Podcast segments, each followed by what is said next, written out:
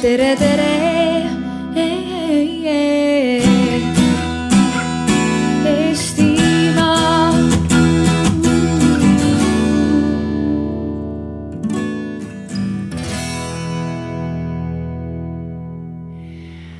Ja tere tulemast kõik kallid külalised kuulama, kui me hakkame rääkima Eesti ja Soome suhtluskultuurist.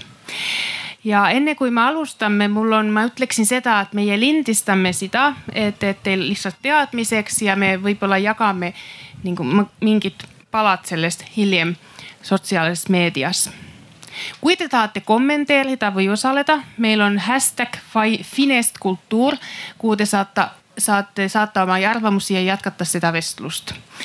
Ja, ja samamoodi siin keset po, po, kui me oleme umbes pooleli jõutud, siis ma küsin jälle, et kui on publiku seas mingid küsimused, ma annan, annan teile, toon mikrofoni kohale ja saate küsida samamoodi ka pärast seda vestlust. Aga hakkame arutama eesti keeles ja, ja meil on, mul on hea meel, on siin ku- esitleda, no äkki ma tutvustan teie, meie eestlased võib-olla, et teie no, inimesed on juba tuttavad. et Erkki Bahovski on diplomaat ja ajakirja peatoimetaja ja sa oled teinud pikka karjääri toimetajana Postimehes ja olnud ka Euroopa Komisjoni Eesti esinduses ja Eesti Välispoliitika Instituutis ja Kristi Haig, ta tegelikult, teie tulite siia Soomest siia, et praegu töötate Eesti Välispoliitika Instituuti juhatajana, enne seda Soome Välispoliitika Instituutis. Ja olete ka, olete ka Turu ülikoolis dotsentina ja meie Soome külalised, Krista Kiuru on Soome parlamendi liige. Teie olete töötanud ka ministrina, nii haridus kui kommunikatsiooniministrina öö, paaris öö, valitsuses varem. kolmes. kolmes valitsuses kokku ja, ja Janne Saarkivi on meie keeleteadlane, kes on praegu on soome-ugri keelde professor Helsingi ülikoolis ja tema on ka populaar, populariseerinud teadust, et näiteks see hommik sa olid hommikuteleviisoris rääkimas, täpselt ei te, tea teemat, aga väga palju kirjutab ja, ja, ja sellised üldised ühiskonna ja keele teemasid käsitleb ka Soome meedias. aga meil on siis teemaks on, et nagu kaks tilka vett, soome keeles öeldakse kuin kaksi marjaa ja seal on siis küsimärk, et, ähm, et kuidas me suhtleme ja vestleme. ja alguses ma küsiksingi seda, et, et tooge näide situatsioonist, millal teie saite aru, et naaberrahval on teistsugused suhtlus, suhtlusreeglid kui kaasmaalastel. kas sina, Janne, tahad alustada, äkki seal, sul on juba kogemus, me oleme kaks tuhat neli olnud Tartus koos, et kas siis said aru või juba varem? no vähemalt äh, mäletan seda, et äh, tol ajal, kui ma Tartus töötasin, siis äh, tuli välja, et Eesti hierarhiad on väga erinevad, Soome omadest väga erinevad. et juhataja ja esimees Eestis käitub nagu oma äh, alaliste suunast täitsa erinevalt kui, kui Soome oma. ja et äh, Soome ühiskonnas siinkohal ma arvan, et äh, pikem rõhut-, pikem rõhutatakse sellist noh, tasavõrdsust, eks ole, et mingit sellist egalitaarsust, et noh, kõik on umbes samasugused inimesed ja see, kes sa oled nagu ametlikul positsioonil, ei peaks tähendama nii palju. jälle Eestis see hierarhia tähendus oli noh vähemalt tol ajal, kui ma sellega esimest korda kokku torkasin, siis oli kohutav et äh, noh, sellega võiks näiteks alustada okay.. teised erinevused on ka olemas. mis sina arvad, Krista? no väga raske küsimus tegelikult, ei ole mõelnud seda eriti palju, et äh, aastast kaks tuhat neli olen saanud Eestis päris tihti käia ja, ja osaliselt ka elada. Siis on see, et äh, ei tule meelde alati mõ- mõtleda sellisel teemal asju, aga ma arvan, et mind on üllatanud Eestis kõige rohkem see, et äh, eestlased on väga isamaalsed inimesed. ma ei tea, kas teie tunnistate tegelikult sellist üldse, aga, aga mulle tuli nagu nii suurena üllatusena see, et isamaalsus on teema, millest nagu räägitakse, kirgelt väideldakse ja, ja, ja see on nagu teema, millest me tegelikult Soomes eriti ei räägigi. me oleme nagu kuidagi leppinud kokku sellega, et lahe Soome on äh, iseseisv Soome on väga lahe aga, aga sellest ei nagu eriti rääkida. Ja noored inimesed siin, kui kaks tuhat neli tulin, siis mind üllatas see, et kuidas noored inimesed tahtsid sellistel teemadel nii palju rääkida. Ja see oli natuke pingeline, sest ma ei olnud nagu eriti, ma ei olnud harjunud selliste teemadega. Teate, et on natuke raske rääkida nagu nii sellisest tähtsast muidugi küll tavalisestki, aga natuke sellisest sensitiivsest teemast. ja, ja kui meil on ka natuke erinev suhtumine Venemaaga, siis on see, et see oli, see oli mulle nagu päris üllatav vestlus ja, ja olen pannud tähele, et äh, eestlased ja soomlased on erinevad küll, kui me räägime nagu iseseisvusest, et sellest Soomes eriti ei räägitagi no kuidas siin, mis teie arvate, kas sina, sina saaksid hästi alustada nüüd sellest, et mis sina, sa oled nagu nii Soomes kui ka Eestis kaua elanud, et kuidas, mis on meie erinevused suhtluskultuuris? jah, ma sellega olen täitsa nõus, et äh, eestlased on isamaalised ja väitlevad sellel teemal, aga ma ütleks, et soomlased ei ole sugugi vähem isamaalised. aga see on selline jah, vaikiv, vaikiv tunne, mis on võib-olla ka rohkem enesestmõistetav kui eestlastele aga selle Isamaa tundega on seotud ka üks minu väga varajane selline natuke ehmatav kogemus, et millest on sobiv rääkida ja millest ei ole. et see oli aastal tuhat üheksasada üheksakümmend üks. Eesti oli taas iseseisvumas ja ma ise just siis kolisin perega esimest korda Soome ja läksin Soomes keskkooli. ja mul on hästi meelde jäänud see, et Soome tollane president Mauno Koivisto oli Soome moodi väga ettevaatlik selle Eesti iseseisvumise teemal, ta ei soovinud seda avalikult toetada. ja see tekitas eestlaste hulgas sellist äh, hämmeldust ja nördimust.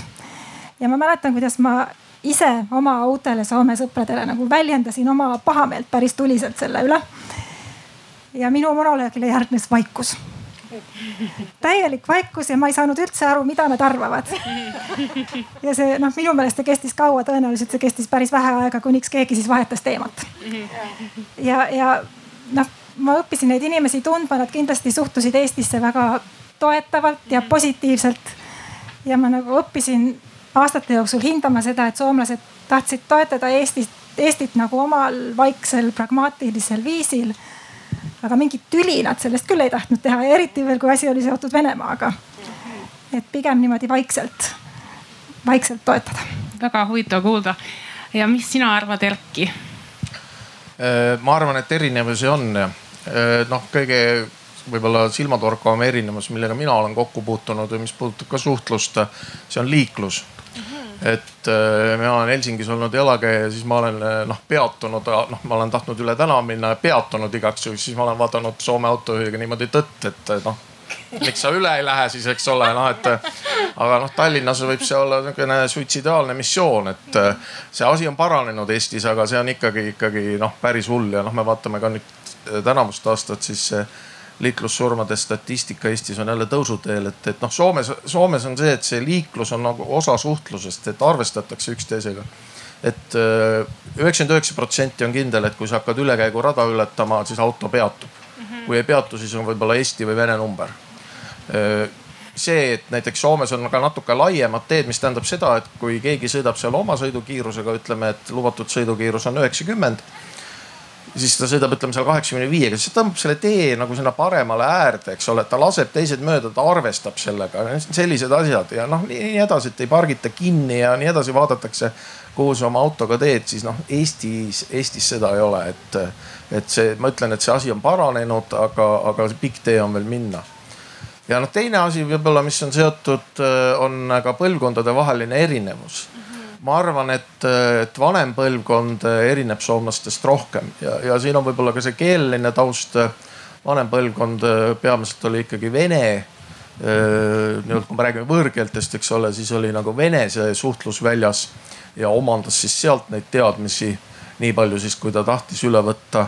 aga, aga noorem põlvkond, mõlemad soomlased ja eestlased ju tegelikult on väga valdavalt nagu inglise keele mõju all ja, ja see on ka põhjus, miks ma arvan, need nooremad leiavad ühisema keele kui võib-olla vanemad, et noh, kui ma vaatan ka nii-öelda seda igapäevakäitumist näiteks noh üldistusi ja stereotüüpe ja muidugi alati lihtne teha, aga, aga võib-olla siis selline üldistus ikka, et, et äh, vanemad väga ei kipu nii-öelda kallistama ja suudlema, eks ole. ja, ja nooremad jälle võib-olla jälle kipuvad, et, et see on nagu selline normaalne tervitamine, et, et ja noh, mina olen seal kuskil vahepeal, et aeg-ajalt ma improviseerin, et kas ma siis lihtsalt tervitan või, või siis mõnikord me kaelustame ka ja nii edasi. Et, et ma ütleks niimoodi jah, et, et kui me räägime erinevustest ja sarnasustest, siis siin tuleks juurde liita ka see eh, põlvkondade vaheline erinevus. Ja võib-olla, et me oleme saanud ka Kesk-Euroopast midagi mõju, et näiteks see suudlemine toimub palju kergemalt koos prantslastega kui, kui soomlastega võib-olla. ja noh, piirid on lahti selles mõttes, et nüüd nooremale põlvkonnale piirid on lahti varsti jõuab täisikka põlvkond äh, e-, Eestis siis ja Soomes see juba on nii, aga Eestis ka, kes ongi sündinud ja kasvanud Euroopa Liidus. et nad on harjunud sellega, et piirid on lahti, inimesed suhtlevad üksteisega ja noh, sellist seina ei ole, aga noh, vanemale põlvkonnale ma meenutan, eks ole, eestlastele igasugune välismaa reis oli suur asi ja, ja Soome minek eriti ja noh, ma arvan, et see suhtumine ikkagi ka praegu on niimoodi, et, et kui, kui noorematele on näiteks Tallinnast sõit Helsingisse on noh umbes samavõrdne Tartuga, siis äh, vanematele see niimoodi ei ole no kuidas keel on seotud suhtluskultuuriga? kas sa tahad alustada, Janne? Keel on suhtlemine, eks ole, ma arvan keel, keele kaudu saame kõik need mõisted äh, mis mõjutavad meie mõtlemist ja suhtluskultuuri. kui ei oleks keele, keeltevahelisi erinevusi, siis äh, poleks ka kultuurierinevusi, ma arvan. et äh, kõik see keelte erinevus ongi kõikide kultuuri erinevuste põhi ja, ja, ja sellest tekivad ja tulenevad kõik need erinevused, mis äh, inimestevahelistes suhetes äh, välja tuleb. et äh, aga mis see täpselt tähendab, noh, et keeleteaduse seisukohalt võiks öelda seda, et äh, iga keel on täis igasuguseid selliseid sõnadevahelisi sidemeid, mis äh, teevad võimaliseks assotsiatsioonid, mis teises keeles on ilma mingisuguse mõtteta, eks ole. et näiteks soome keeles ja eesti keeles on niimoodi, et number kuus on, on ka, ka puu nimetus kuus, eks ole, et need on üks ja sama asi. aga siis äh,, siis mingi teise keele seisukohalt selline assotsiatsioon pole, see on täitsa mõttetu, eks ole. ja, ja siis äh, äh, kõiki, kõik keeled Äh, on täis seda tüüpi assotsiatsioon, potentsiaale võiks öelda. ja, ja selles suhtes ma arvan, et kõik naljad, äh, kõik sellised äh, huvitavad, kõik äh, noh muidugi luuletus, ilukirjandus, teater, naljad, unenägemine, kõik see on keele kaudu omandatud assotsiatsioonidega seotud ja sellest tulenebki Äh, kultuuride ja inimeste vaheline, vaheline erinevus, ma arvan. ja selles suhtes eesti ja soome keele erinevus on nagu ükskõik missugune kahe keele vaheline erinevus, eks ole, et nad on, nad on küll omavahel seotud, eks ole, et nad on ajalooliselt seotud, nad on mõlemad soome-ugri keeled, nad on Läänemere soome keeled ja nii edasi. samas aga äh, soome ja eesti keele nagu igasugused assotsiatsioonväljad on äh, vägagi teistest erinevad. kas sa tahad jätkata, Kristo? Oh,? ma ei tea, sest kui ma kuulan seda meie nagu teadlast, siis ma jään lihtsalt nagu mõtlema, et mul eriti palju ei ole midagi lisa öelda. aga teate, kui me siia tulime, tulime sama autoga ja siis mina, kui rääkisin tugevalt oma maakonna keelt, sadakunna keelt, siis sa kohe küsisid juba, et aga mis, vabandust, mis sõna see oli, et ütle mulle veel, ma ei ole kuulnudki. siis ma mõtlesin, et meil oli juba nii suured erinevused, kui me läksime sinna tee peale, et ühest sõnast juba, juba pidime nagu hakkama tõlgitsema teineteist see on muidu ka üks erinevus, ma arvan, et, et, et, et Soomes on see, Soomes on mitu uh, suhtlemisvälja. et Soomes on uh, mitu sellist uh, murdevälja, mis erinevad teise, teineteisest, näiteks kui see inimene teeb oma suu lahti, siis ma saan kohe aru, et ta on kuskil Lääne-Soome, noh, Pori äh, turu selle, selle suuna kandest, eks ole. aga Eestis ma arvan, ei ole niimoodi. ma, ma vähemalt, kuigi ma noh, valdan eesti keelt enam-vähem, ma ei saa aru kust eestlased tulevad, kui nad, nad räägivad, siis ma arvan, et nad, nad on lihtsalt eestlased, eks ole, et no vahepeal on mõni Tartu sõna näiteks, aga sellist äh, suurt sellist nagu regionaalsust eesti keeles ei ole, nagu soome keeles on, ma arvan. ma pean eh, ütlema veel, et äh, kui ma hakkasin kaks tuhat neli natuke rohkem eesti keeles rääkima, olin soome keelt õppinud Turu ülikoolis ja meil oli vaja üht sugukeelt, sugukeelt äh, õppida, siis mõtlesin, et no miks minna nii kaugel kui vepsa või murdukeelde, näiteks kui sina vist valdad neid ka. aga, või isegi ungari keele, et no eesti keelega võib-olla sellest oleks rohkem kasu. siis tulin ja hakkasin siin ülikoolis õppima, siis, siis mul tuli see meelde, et noh okei okay., et eks ma nüüd lihtsalt räägin nii nagu soomlased ja siis õpetaja ütles mulle kohe, et kuule, Krista, sa tuled Võrust nüüd. aga kui me teeme sinuga tööd mitu kuud, siis võib-olla, et kui me väga hästi teeme tööd, siis ühel päeval võib-olla kuule et sa oled juba pärit Saaremaalt. ja siis mul on, mu Eesti sõbrad alati kutsuvad mind saarlaseks. et tänagi näiteks, kui tulin siia, siis teised ütlesid, no ma ütlen teistele juba, et saarlane on jälle Eestis. ja, ja nii ongi see, et võib-olla tugevalt teil ei ole need murdete vahet. aga, aga noh, Võru ja Saare keelt vist ikka nagu seda on kuulda ja, ja kahjuks mul on ka, kui ma väga palju nüüd ei ole rääkinud, ma ei ole isegi pärit praegusel hetkel Saaremaalt. aga, aga noh, on ikka vahed, aga meil on suuremad kindlasti, et mind on küll kuulda, et ma olen Lääne-Soomest pärit. Kristo juba ja vastas Jannele, kuidas on Eestis, kas te tahate täiendada no eks kõikidel soomlastel on muidugi sellest kogemusi, kui naljakas see võib olla, kui eestlased püüavad rääkida soome keelt mm. -hmm et noh, teistpidi see minu meelest ei ole sama naljakas et, et eesti keel minu, minu soome sõprade sõnade järgi kõlab kuidagi lapsikult ja väga naljakalt mm. -hmm. ja selle üle on nagu tore nalja visata mm. ja kui Soome turist läheb Tallinnasse ostma viinerit või, või midagi muud sarnast, siis saabki palju nalja. aga samas on ka neid ütleme kahekeelseid inimesi päris palju, nagu ma ise näiteks, et ma olen elanud ja töötanud aastaid mõlemas riigis. ja ma olen pidanud päris palju vaeva nägema sellega, et ma saan aru, et ma ei saa nagu samamoodi ennast väljendada eesti ja soome keeles, et isegi kui ma tahan väljendada sama mõtet ma ei saa seda nagu otse tõlkida selleks, et see jõuaks inimesteni nii, nagu ma tahan, et see jõuab. Mm.. ma pean selle kuidagi selles keeles ja sellest kultuurist ja keskkonnast lähtuvalt läbi mõtlema. Mm.. et see tõesti noh, on selline minu jaoks väga selline igapäevane kogemus, et, et keel mõjutab väga palju suhtlust. Mm.. et selleks, et mingis kultuuris sisse elada, sa ei saa lihtsalt tõlkida ühest keelest teise oma mõtteid. Erki ja no ma arvan, et, et siin on jälle see põlvkondadevaheline erinevus, et, et usutavasti öö, noorem põlvkond, eestlased ja soomlased suhtlevad omavahel inglise keeles. mis kindlasti muudab seda suhtlusviisi. ja, ja vanem põlvkond, aga siis põhiliselt ikkagi Põhja-Eestis siis suhtleb soomlastega soome keeles ja, ja tõesti on ka soomlasi, kes oskavad eesti keelt aga ma arvan, et see läheb järk-järgult ikkagi niimoodi, et noorem põlvkond suhtleb inglise keeles omavahel. ma arvan jah, et Soomes on need regionaalsed erinevused suuremad. aga Eestis ei ole nad kadunud, me peame meenutama seda, et ikkagi see nii-öelda Lõugude paradiisis elamine nivelleeris seda murdeid ja murrakuid päris palju.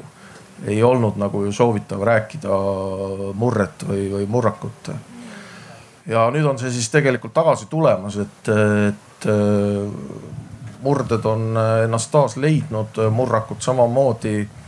ma olen ema poolt muhulane ja, ja, ja noh, ma arvan, et ma, kui ma räägiks muhu keelt, see kõlakski umbes niimoodi, kui soomlane hakkaks rääkima eesti keelt, see on umbes muhulastel umbes sama aga, aga mingit sõnu ma tean ja kuidagi jutujärje saaks ka nagu ära räägitud mina ei ütleks, et ei ole üldse aru saada, kust keegi tuleb, võib-olla minu see keelekõrv on natuke siis teistmoodi, aga mina saan näiteks aru, inimene on Saaremaalt pärit, et tal on ikka see üldiselt see mõlk, see intonatsioon on sees.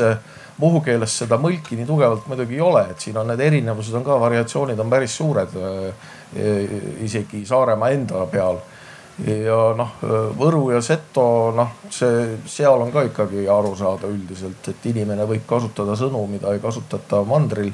ma olen isegi kasutanud sõnu mõnikord äh, ülikoolis ja ka koolis, äh, mida mandril ei tuntud, nii et, et see ikkagi tuleb läbi, et, et noh, päris, päris niimoodi ei ole, et kõik räägivad ühte eesti keelt, et, et regionaalsed erinevused on ka, et noh, mul just äh, vend, kes ostis maja salmistusse, ütles, et, et seal on näiteks käib eraldi mingi grupp koos ja neil on Facebookis ka grupp, ma olen ka selle liige, ma ei, oska seda keelt, aga see on see rannakeel, mida siis nagu Põhja-Eestis räägitakse, see põhjarannikul, eks ole, et see ei ole Kirderanniku murre, vaid just põhjarannik, eks ole, sealt Tallinnast umbes viiskümmend kilomeetrit. Nad käivad koos, neil on seal mingid omad kohtumised ja nad üritavad seda keelt siis arendada, nii et selles mõttes see, see keeleline tegevus Eestis eh, noh on, on tõusuteel, noh võrukesedele muidugi ütlevad, et mõnikord, et see võru keele rääkimine on sihuke poos ja, ja et seda Võru raadiot keegi ei kuula ja, ja, ja, ja nii edasi ja nii edasi, et noh, lihtsam on neil jah rääkida eestlastega eesti keeles.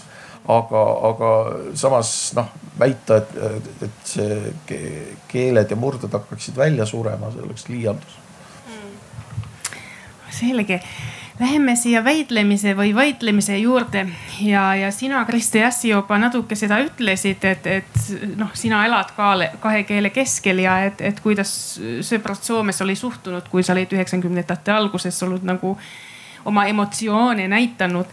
Ja siin on olnud märgata Eestis, eriti soomlaste silmas on silmapaistev, kui inimesed hakkavad televiisorit näiteks rääkima ja on vestlussaated ja et nad on, eestlased on väga emotsionaalsed sageli.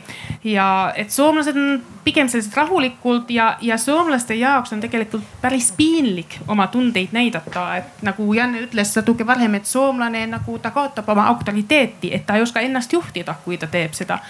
kas sa tahad jätkata sellel teemal? jah.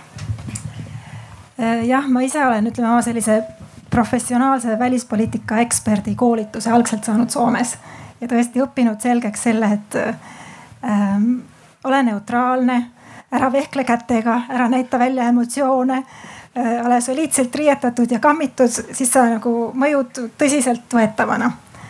et kui sa oled emotsionaalne, siis äh, sinu ekspertiisi ei usuta samamoodi.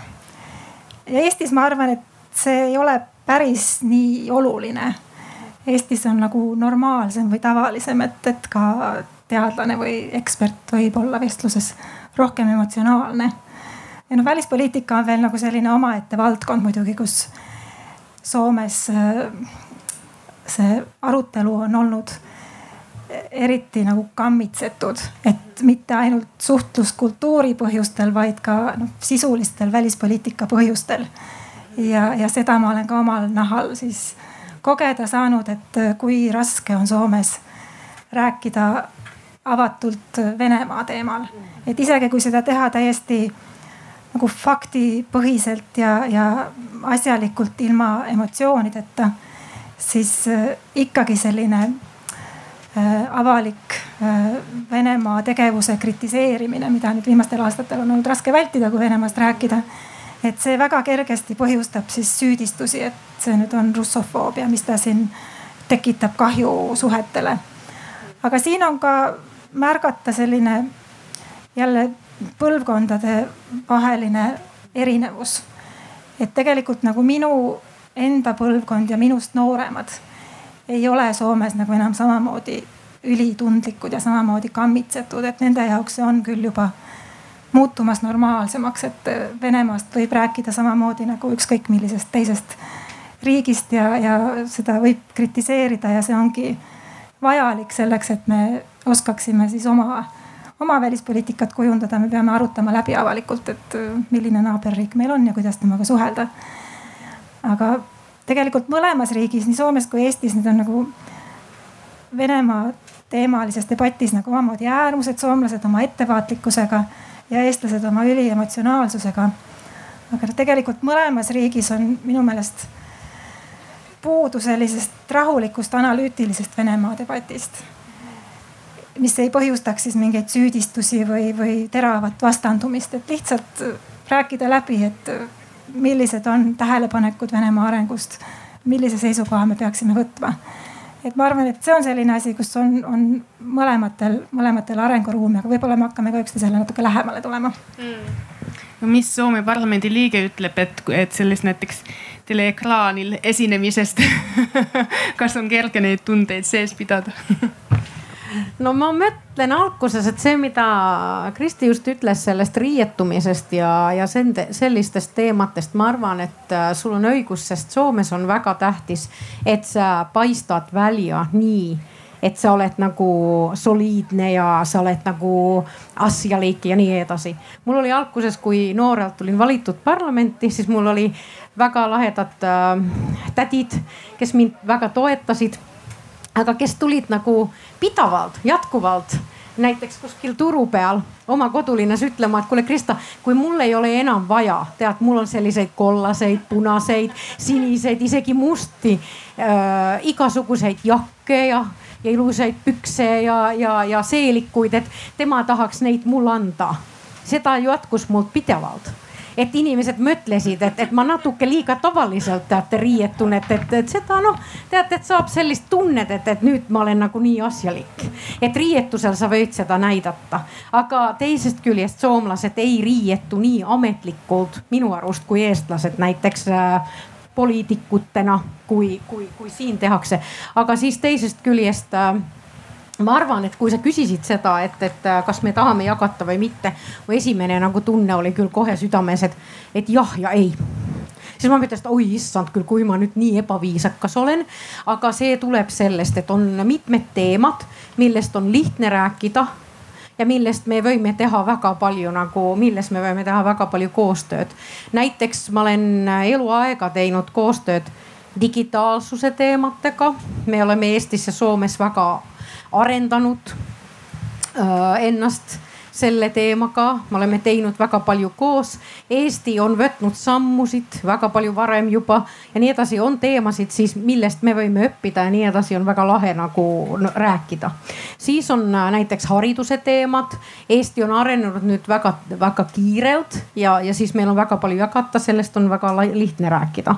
sotsiaal- ja tervishoiu küsimused on juba raskemad sest see, mis meil on võrdsus, see, see mõte, mida see nagu tähendab Soome nagu ühiskonnas ja mida Eestis, see on juba nii erinev, et sellest rääkimine on natuke raske ma ütlen nagu ausalt, siis teine jutt on see, et välispoliitika muidugi. see ei ole nagu raske, kui me räägime suhtlumisest EU-sse või teiste riikidega, aga Soome ja Eesti Vene poliitika on nii erinev see on tõesti nagu nii erinev. mina ise, kui olen elanud siin aastaid ja mul on olnud nagu üksteist aastat Eesti mees ma tean tegelikult, millest te räägite, kui te räägite Venemaast. aga soomlased on nii kaugel sellest, sellisest suhtluskultuurist, kuidas nagu Venemaa teematel siin räägitakse, siis ma eriti küll ütlen teile ausalt, ma eriti ei tahaks minna nende teemade peal, kui ei ole väga vajalik sest et kui me hakkame väitlema teemast, mis ei juhata väga palju kuhugi, siis ma natuke vahepeal olen laisk ja ütlen tõesti, et on ka teemasid, et ma eriti nagu ei küll mõtle, et, et nii nagu mugavalt oleks tore rääkida, aga on vajalik. ma ei ütle seda ega eita, aga vahepeal oleks mugavam jätta vahele. Aitäh, siis ma küsin veel sellest emotsionaalsusest ja sellest või Soome anatü-, anal-, Anna, mis on analüütiluses nüüd mul läheb. aga no kas sina tahad Janne nüüd jätkata selles, et kas sina oled märganud sedasama, mida Kristi näiteks? ma mõtlesin seda äh, võrdsuse ideoloogiat ka, et ma arvan, et see on suur erinevus Soome ja äh, Eesti avalikus diskursis. et äh, kui nüüd vaadata näiteks Kristat siis kas teie kas võiksite. kas sa tahad, et ma tõusen üles? ei, kas, kas teie võiksite kujutada ette, et see inimene on kolmekordne minister, et, et kui ta oleks eestlane, kas ta oleks niimoodi riietatud? kas ta tuleks nagu selliste. ilusad rahvamustrite kingad, jah. ma arvan, et äh, küll mitte, et, et, et Eestis oleks natuke teistmoodi ja, ja ja ma arvan, et äh, see ongi kohe mul hakkab tulema ka kollaseid äh, jak jakkusid et, siit Eesti poole. et kui, kui, kui nüüd vaadata näiteks Tarja, Tarja Haloneni, kes oli pikemat aega Soome president ja, ja tema nagu sellist avalikku kuju, et kuidas ta ennast kujutas, äh, siis on väga raske ette kujutada, et selline inimene oleks, oleks Eesti president näiteks, kes, kes kogu aeg rõhutab seda asja, et, et mina riietan nagu tavainimene, eks ole, siis ostan sellesama säästukaardiga sellest samast äh, säästumarketist kui kõik teised rahvad. kuigi no, eks ole, kõigil on ju ilmselge, et see inimene on kaugelt tavarahvast, eks ole, ta on president, eks ole, ta on enne seda ta on olnud välisminister, siis ta on olnud igasugustes kõrgetes ametikohtades äh, ükskõik kui kaua. aga äh, ikka peab seal avalikus elus tegema nägu nagu sa oleks tavaline. ma arvan, et Eestis ei ole sellist vajadust, et Eestis, Eesti, Eestis pigem, pigem peaks nagu rõhutama seda oma autoriteeti, eks ole, et mina, mina, mina tean. Mina olen suur inimene, eks ole, mina, mina olen selle kõige läbi elanud, mina juhatan, näitan teile, kuidas, kuidas elada. et ma arvan, et siin on väga suur erinevus põhimõtteliselt nendest nagu roolimudelitest, roolimudelitest, mis on, mis on just selle autoriteediga seotud ja, ja ja, ja ja äh, selle nagu tavainimese kujuga seotud ka, et Soome poliitik peab äh, peab äh, sellist noh, mingit teatrietendust esindama, nagu ta oleks tavaline, kuigi ta ei ole tavaline, eks ole, ta äh, sõidab ümber mingi, äh, mingi pantser Mercedesiga, eks ole, ja siis kohtub kõigi Merkeli ja Putini ja teistega.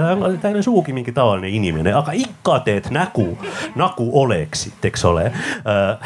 Eestis jälle, kui, kui president hakkaks sellise asjaga tegelema, siis keegi ei võtaks teda tõsiselt, eks ole. et president peaks olema nagu autori-, autoriteet, ta peaks lihtsalt ma arvan, noh, ma ei tea, mis, mis teised arvavad, siis, siis oleks olnud veel Venemaa kohta midagi öelda, aga ma, ma siis ütlen selle pärast. sa ei kommenteeri Venemaad.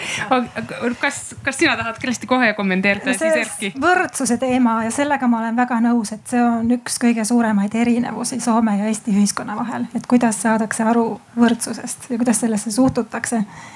ja, ja mis on selline väga põhjamaine ja minule nagu kujunenud väga sümpaatseks, on see, kuidas soomlastele on nagu oluline rõhutada seda, olenemata oma positsioonist, et nad suhtuvad lugupidamisega inimestesse, sõltumata sellest, milline on nagu selle teise inimese sotsiaalne positsioon või, või, või kui rikas või vaene ta on. et seal võib olla kuigi palju ka näitlemist, et see ei pruugi olla alati nii siiras, poliitikud kindlasti oskavad seda nagu hästi ära õppida, et nii on kasulik teha ja sellised normid on need normid, mis Soome ühiskonnas valitsevad. aga no kindlasti on seal ka täiesti siirast äh, sellist nagu põhjamaist ideoloogiat ja, heaoluühiskonna mõtlemist. et Eesti on palju kõvem ühiskond ja Eestis on palju normaalsem kuulda selliseid hoiakuid, et äh, noh a la igaühe inimese oma oma viga, kui hakkama ei saa või, või võtku ennast kätte ja noh, selline nagu kõvem, kõvem suhtumine. ja selle üle ka vaieldakse palju rohkem, et kui palju siis riik või ühiskond peaks inimese eest vastutust võtma. et Eestil on see nõukogude aja kogemus, kust siis nagu hüpati teise äärmusesse ja taheti kõike muuta. ja, ja selle muutusega kaasnes siis selline üsna kõva kapitalism Erki, kas tahad jätkata? ja no kui me siin rääkisime välispoliitikast, siis äh, tõepoolest äh, Eesti on ju äh, peaaegu et ametliku loosungina välja kuulutanud, et ta tahab olla Põhjamaa ja osa Põhjamaadest ja noh, üks esimesi, kes seda ütles, oli ja ta oli siis veel välisminister, oli Toomas Hendrik Ilves. kes ütles, et Eesti tahab olla igav Põhjamaa, you want to be a boring Nordic country ja seda siis ühele Läti ajakirjanikule antud intervjuus. ja, ja see on siis nagu olnud nii-öelda see siht, aga noh, siin on juba tegelikult ju öeldud ka, et see, see on olnud ainult selline siht, et me tahame olla Põhjamaade sellepärast, et siis meid ei võetaks kui endist Nõukogude Liidu vabariiki, eks ole, see ex-Soviet, et see tuleb kogu aeg igale poole ette panna. aga kui me oleme Põhjamaad, siis me oleme noh, kuidagi seal noh paremas klubis ja nii edasi ja võib-olla ka Venemaa, siis vaatab meie peale teistsuguse pilguga. et, et see on ilus plaan, aga nii-öelda see mentaalselt on ikkagi asi ikkagi väga kaugel ja just seesama, eks ole, et see võrdõiguslikkus mis on soomlastel ikkagi olemas.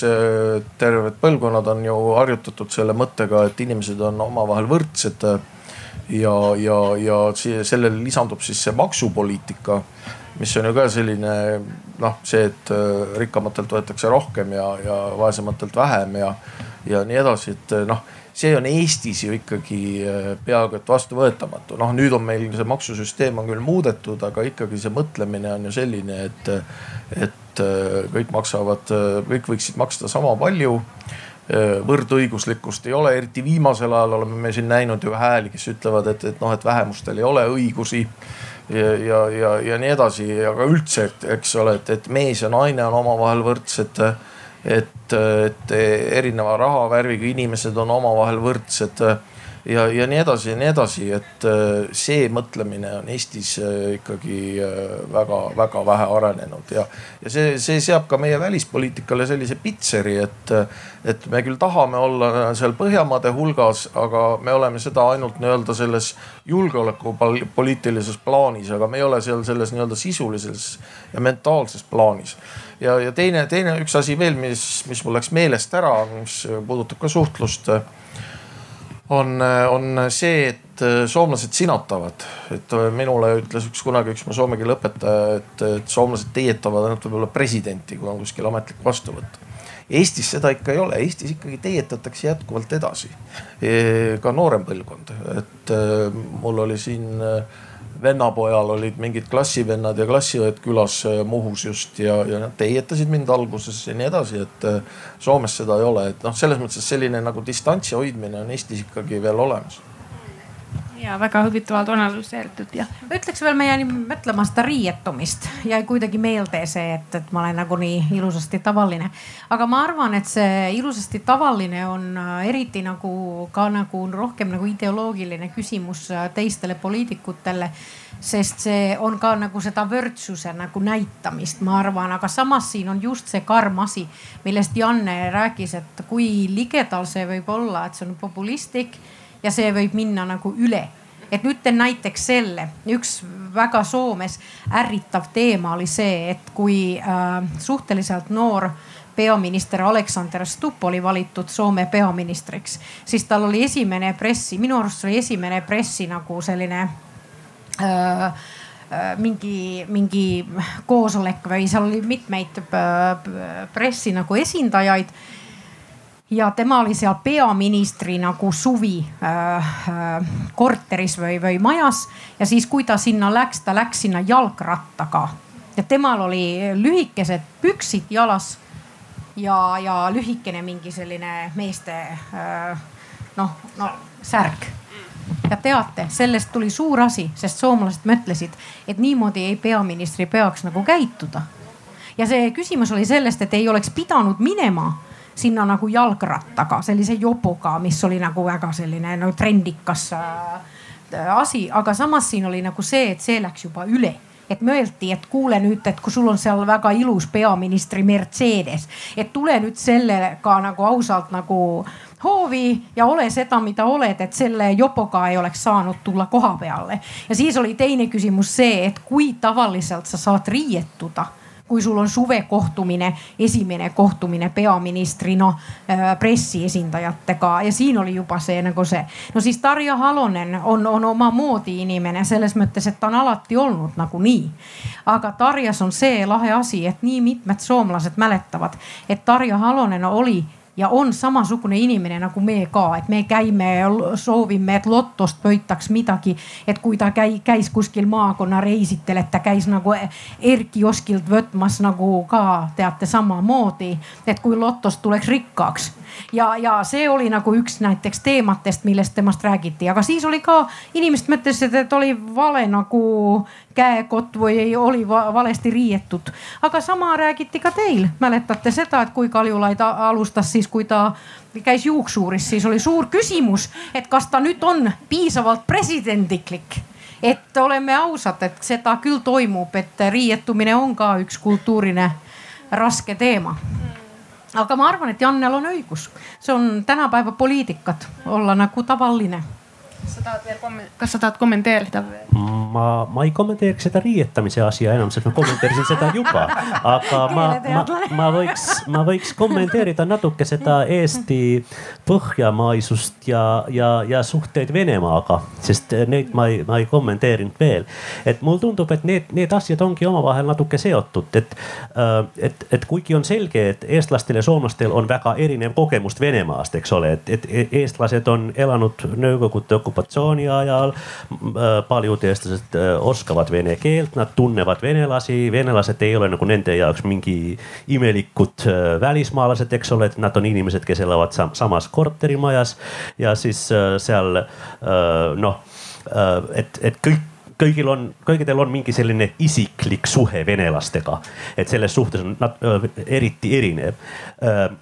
aga samas ma arvan, et see Eesti nii-öelda või eestlaste nii-öelda realistlik suhtumine Venemaaga on seotud mingisuguse sellise natsionalismiga, mida, mis jälle soomlastele ja teistele põhjamaalastele tundub väga selline võõras ja vastik.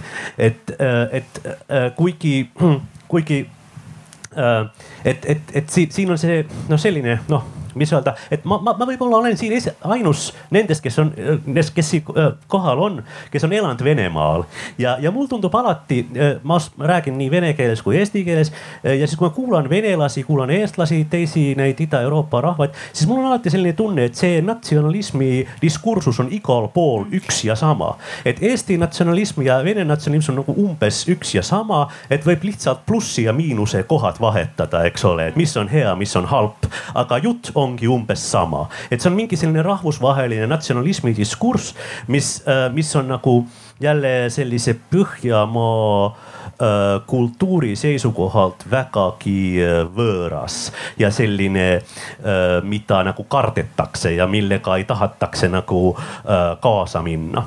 ja ma arvan, et, et see võib-olla häirib natuke seda et saaksime aru sellest, et tõepoolest eestlastel on väga realistlik suhtumine venelastesse mõnes mõttes, et ma arvan, et eestlastel on tõepoolest kogemus venelastest, nendel on keel ja kultuurioskust ja selliseid asju, mida soomlastel tavaliselt ei ole aga kui seda seostatakse sellise üldse Ida-Euroopa natsionalismiga, siis tuleb natuke selline, need asjad lähevad keema natuke noh teistmoodi. see ei, ei, ei nagu sobi Soome ühiskonda jälle või Põhjamaa ühiskonda, ma arvan.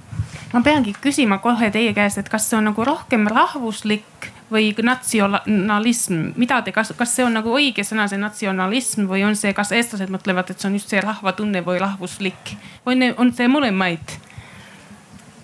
Äh, noh, ma ütleks niimoodi, et on nii seda kui teist, et, et mina teen ka vahet, mis asi on rahvuslus ja mis on natsionalism. Ja natsionalism on kindlasti negatiivsem nähtus, mis siis äh, seab ühemõtteliselt oma rahva siis äh, paremaks nagu teistest ja noh, rahvuslus on siis tõesti oma keele, kultuuri ja, ja, ja, ja kunsti ja nii edasi, eks ole, arendamine ja, ja selle eest hoolitsemine Äh, ja noh, natsionalism on, eks ole, see siis, mida siis saab ka poliitikas ära kasutada. aga, aga ma siiski vaidleks vastu, et no jah, et see Ida-Euroopa natsionalism on tõesti midagi, mille üle peaks rääkima ja me hakkame sellest ka õhtul rääkima vist, ma saan aru, eks ole, kell kuus, väike reelreklaam. Aga, aga, aga siin on siiski erinevusi, et, et vot me oleme Kristiga mõlemad siin sertifitseeritud russofoobid ja siis ei saa nagu mööda Venemaast, et et, et mis on erinevus Eesti ja Venemaa natsionalismil, on see, et Venemaa natsionalismil on imperiaalne mõõde et äh, nad arvavad, et, et äh, neil on õigus ka otsustada teiste rahvaste üle siis nii-öelda, mis on siis mitte ainult nende maal, vaid ka nii-öelda nende kõrval. et kuidas nad peaksid elama ja noh, ja nendel on õigus ka siis mingisuguseid maid saada, et ütleme, Krimm kuulub mingisuguse müstilise ajaloolise õiguse järgi Venemaale ja noh, me näeme seda ka Ungaris, eks ole, kes kaotas kaks kolmandikku oma territooriumist pärast esimest maailmasõda. kui Budapestis ringi sõita, siis te näete, autodel on, eks ole, see esimese maailmasõja eelne Trianoni lepingu eelne kaart, mis siis annab siis sellise suure Ungari. et Eestis seda mõõdet ei ole et, et me võime nüüd siin noh rääkida jah, et, et kas mõni, mõni siin rõhutab seda, et noh, et tema suhtleb ainult eesti keeles ja nii edasi. Et see on tõesti igal maal nagu noh ühtemoodi, aga noh, mina ei ole küll kuulnud umbes selliseid lauseid, et meil on õigus võtta ära, ma ei tea, Põhja-Läti või et meil, kuna Vabadussõjas siis soomusrongid jõudsid Riia alla, et siis noh, meil on siis ka ajalooline õigus Põhja-Lätile või et me olime seal Petrogradi eel, eeslinnades, et siis meil on ka õigus nagu siis võtta siis see ala endale. et seda ei ole, et, et Eesti, Eesti rahvuslus on ikkagi nagu piirdub ikkagi ainult Eestiga, et sellist imperiaalset mõõdet ei ole, et, et minu meelest see, see on ka asi, mis Ida-Euroopa nii-öelda selle natsionalismi uurijatel jääb tavaliselt kahe silma vahele ja tehakse nagu väga võimsaid üldistusi no ma tahaks ise lisada nüüd seda, et ärme pane kõiki eestlasi ühte patta. ja veel rohkem rõhutada seda, et kui me räägime Eesti välispoliitikast, siis see on hoopis midagi muud kui Eestis elavad venelased, Eesti vene vähemus. üheksakümnendatel räägiti palju Balti riikide vene küsimusest või vene probleemist ja siis pandi ühte patta kõik alates sellest, et Venemaal oli raskusi leppida Balti riikide iseseisvumisega ja siis vene vähemuse teema ja kõik keele küsimused ja vähemuspoliitika.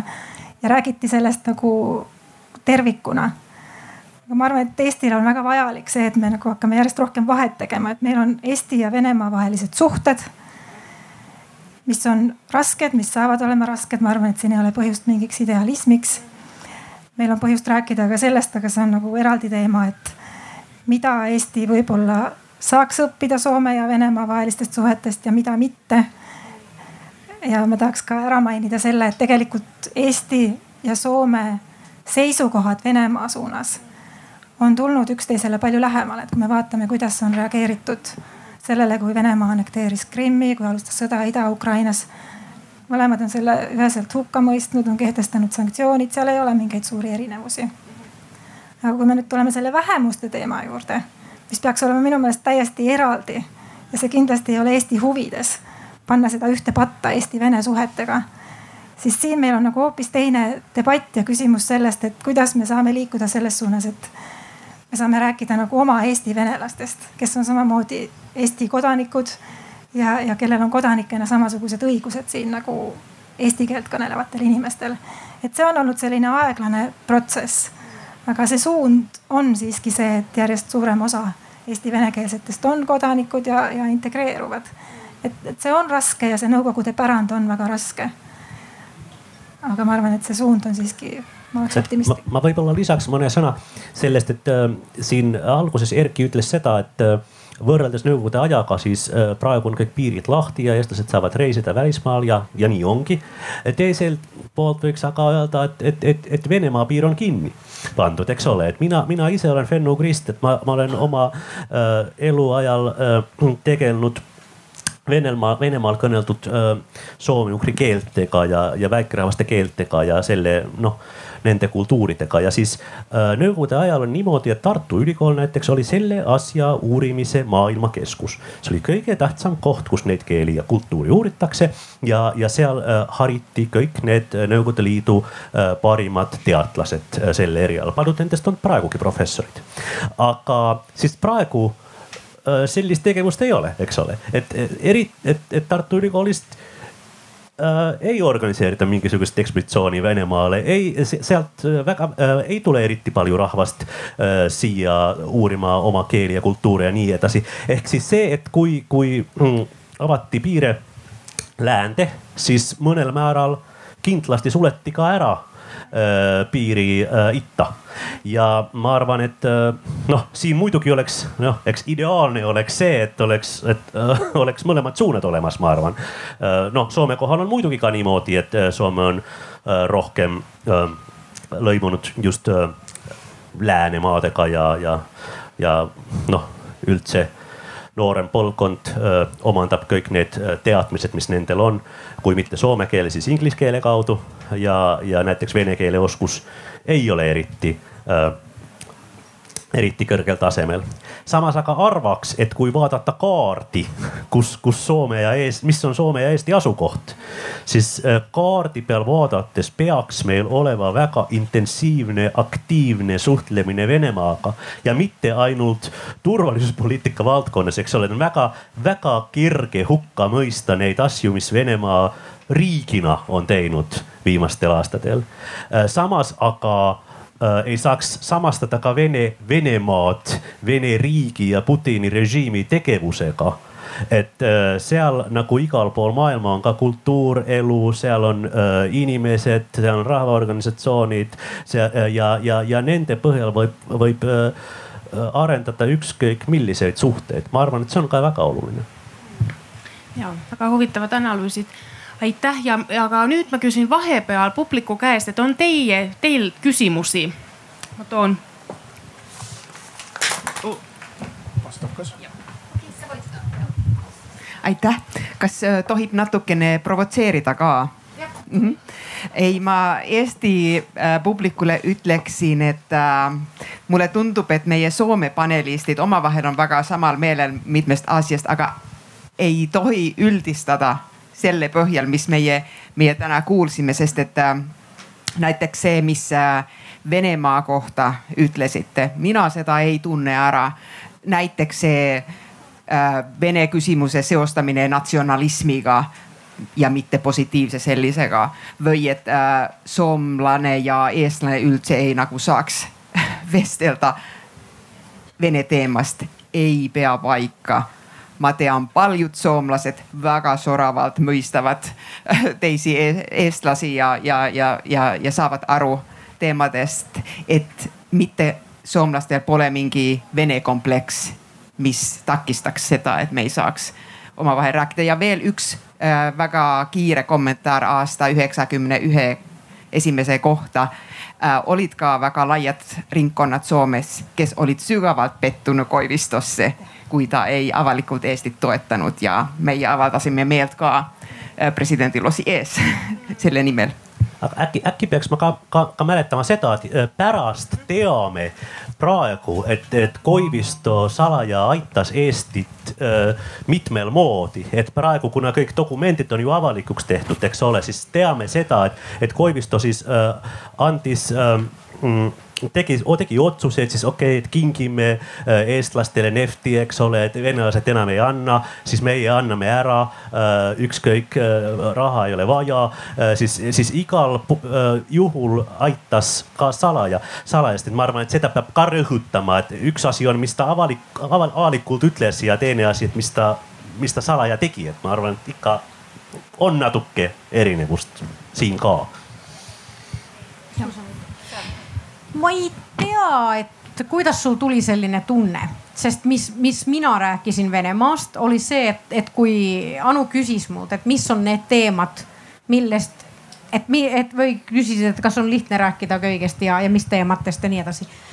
ma ütlesin, et on olemas teemasid, millest on lihtne rääkida ja ütlesingi need, siis ütlesin, et on olemas teemasid, millest on raskem rääkida. Ja võib-olla, et ma tahan nagu ausalt öelda, et ei ole alati lihtne rääkida Venemaa teematel Eesti poliitikutega. Seda ütlesin, siis ütlesin ka seda, et äh, kui mina räägin oma sõpradega Venemaast, ma saan väga hästi aru, miks eestlased mõtlevad Venemaa peale nii, nagu need normaalselt ütlevad ja mõtlevad. Ma arvan, et see on päris nagu tugev teema siin, et äh, eestlane suhtleb samamoodi suhtluskultuuris Venemaa teemas ma arvan, vähemalt minu laiuskonnas ja, ja ma saan väga hästi hakkama oma sõpradega, kui me räägime Venemaast. aga kui te vaatate, mis on toimunud näiteks Soome poliitikutega, kes tulevad siia rääkima Venemaast, kui hästi on läinud. iga kord, kui Soome poliitik räägib Venemaast siin, minu arust viimatel aastatel, ma olen nüüd kohe kaksteist aastat olnud parlamendis, ma ei mäletaks ühtki väga hästi läinud rääkimist Venemaast. võib-olla mul on vale, aga ma mäletan mitmed karmid kõnesid, mida siin Soome poliitikud on rääkinud Venemaast, sest me ei saa aru sellest, kuidas eestlased suhtlevad Venemaa teemas, kuidas Soomes suhtletakse ja kes on see tõlgendaja või see, kes tõlkib siin vahel, et mis inimesed nagu tõeliselt mõtlevad. ma arvan, et meie suhtumine Venemaa teematel, teemal ei ole tegelikult väga erinev. ma arvan, et mina olen oma äh, vanaisa äh, lugudest nii palju õppinud et ma arvan, et, et, et, et ma nagu mõtlen väga palju ja tugevalt samamoodi kui eestlane, et me ei saa nagu panna silmasid kinni.